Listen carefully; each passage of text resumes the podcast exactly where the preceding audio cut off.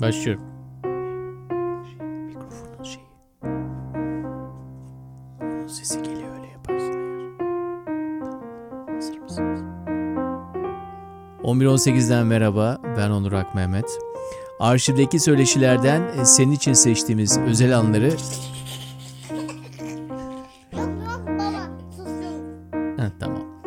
senin için seçtiğimiz özel anları kısa bir mola serisinde bir araya getirdik.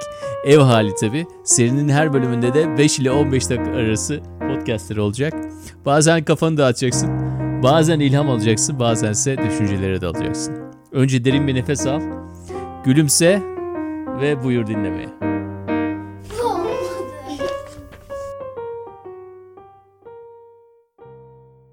Sen örgütlü hareketin tabii lise yıllarında da Hmm. içindesin. Hı. Ee, aileden de ge- getirdiğin bir birikim var. Hı. Ee, oralara bizi götürürsen e, ne tür imajlar böyle aklına gelir? Yani e, ne bileyim çocukken, gençken, erken gençlik zamanlarında e, onların algılanması da tabii şimdiki gibi olmuyor. Evet. Ama şu andaki bizim avantajımız yani e, ona bakma imkanı buluyoruz. Çok güzel. Birebir tabii o anı yakalayamasak dahi bazıları aralarında sıyrılır. Ya benim açımdan hani ben kendime bir kalabalığın bir parçası gibi hissettim.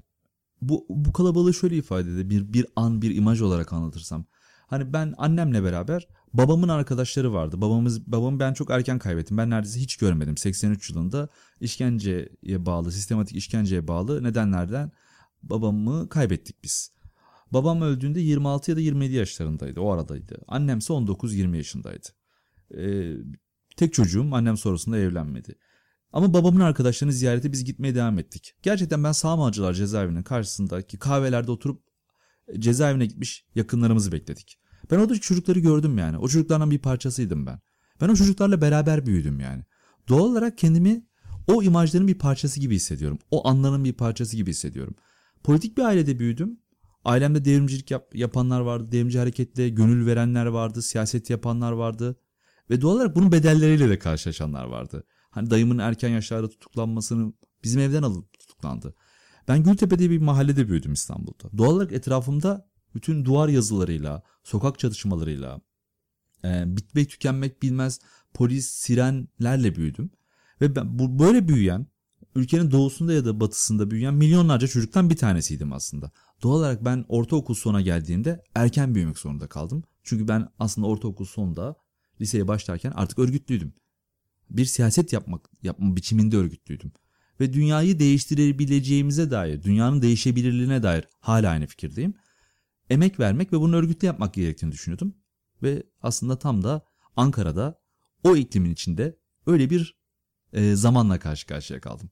Doğal olarak bütün lise hayatım Mustafa Kemal Lisesi diye yeni mahallede orta halli memur çocuklarının oturduğu, yani yoksullarla e, Şentepe gibi, Yahyalar gibi yoksul mahallelerden gelen çocuklarla yeni mahallenin memur çocuklarının beraber okuduğu bir okulda okudum ben. İki kez liseden atıldım öncesinde. İki kez de liseye e, Cumhuriyet Halk Partili abilerimizin sağladığı bir takım avantajlarla geri döndüm. Üzerlerimde emeği vardır. Hatta bir gün Murat Karayalçın'la karşılaştığımda ona kendisine söylemiştim burada İstanbul'da. E, annem sizden aldığı bir kart vizit sayesinde ben bir liseye kaydolabildim. Çok uzun zaman geçti ama teşekkür ederim dedim şaşırdı. O zaman belediye başkanı mıydı peki? O zaman belediye başkanlığını kaybetmişti. Bir sonraki dönemde adaydı. Ama Ankara'da çok etkili bir siyasetçiydi hala Murat Karayalçın. Ve onun sağladığı bir kart vizitle hakikaten ben lise hayatımı bitirdim. Ya bu kart vizitlerin de işe yaradığı zamanları çok özlüyorum yani artık gittikçe. Evet, değil mi? Arkasına da böyle bir çizgi atarlardı ama. Tabii arkasının ismi yazılır. Gideceğiniz kişinin ismi yazılır. Kart vizit bellidir. Bir de imza atılır ki ondan geldiği anlaşılsın. Gerçekten ben o kart vizitle bir liseye kaydolabildim Onur. Yoksa çok zordu.